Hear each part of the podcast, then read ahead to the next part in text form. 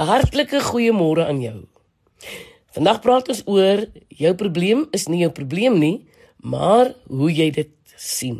Nou Filippense 4 vers 6 en 7 sê moet oor niks besorg wees nie, maar bid oor alles. Vra alles wat jy nodig het van God terwyl jy hom ook dank vir alles wat hy doen. Ja, jy kan kies waaraan jy dink man. Jy het nie die plek waar jy gebore is of die dag waarop jy gebore is gekies nie. Jy het ook nie jou ouers of jou broers of susters gekies nie. En jy bepaal ook nie die weer nie en ook nie hoeveel sout daar in die see is nie. Daar is baie dinge in die lewe waaroor jy geen keuse het nie. Maar die belangrikste aktiwiteit in jou lewe val wel binne jou beheer. Jy kan kies waaraan jy dink. Jy kan die lughawe beheer beampte van jou gedagte wêreld wees. Ja, jy sit in die beheertoring en kan die verkeer in jou gedagte wêreld reguleer. Gedagtes sirkel bokant jou en kom en gaan. En as een van hulle land, is dit omdat jy daaraan toestemming gegee het. As dit weggaan, is dit omdat jy die opdrag gegee het. Jy kan jou gedagtes kies. En daarom redeneer die wyse Salomo wanneer hy sê bo alles wees versigtig met wat in jou hart aangaan. Hoekom? Want dit bepaal alles wat jy doen, Spreuke 4:23. So wil jy môre gelukkig wees. Saai dan vandag reeds die saad van blydskap. Hoe? Tel jou seëninge, memoriseer Bybelverse, jong sing lofliedere, luister na goeie geestelike musiek en bring dan tyd deur saam met mense wat jou bemoedig. Maar wil jy môre se elende waarborg?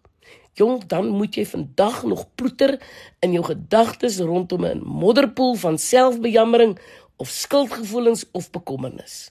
Verwag die ergste. Neem jouself kwaadlik, verwyd jouself. Dink weer en weer oor alles waaroor jy spyt is en dan kla jy ook sommer saam met die wat kla.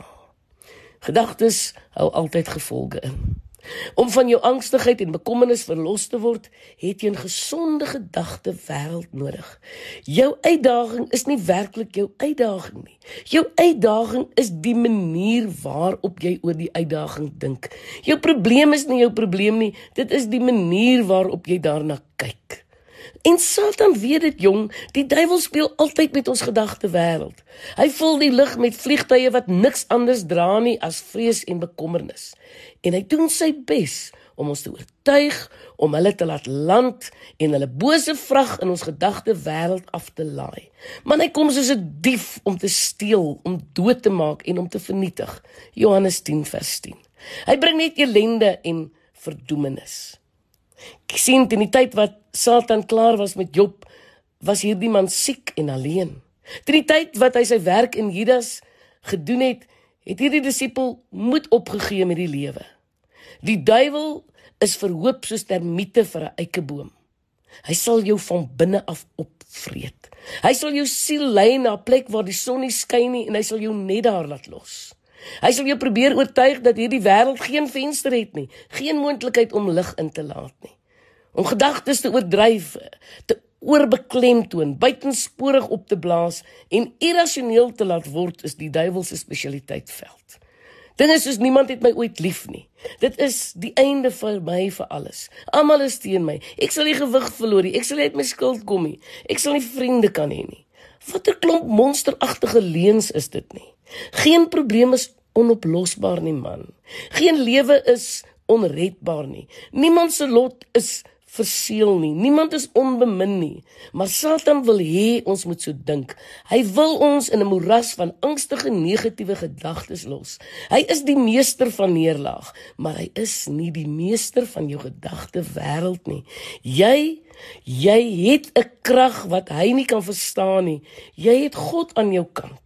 Daarom vul jou gedagtes met alles wat waar, eerbaar, skoon, suiwer, lieflik en lofwaardig is, sê Filippense 4 vers 8. Ons heel waardevolste wapen teen bekommernis weeg minder as 2 kg en sit tussen ons ore. Dink oor die dinge waaroor jy dink. Ek is Lenet Beer vir Radio Kansel.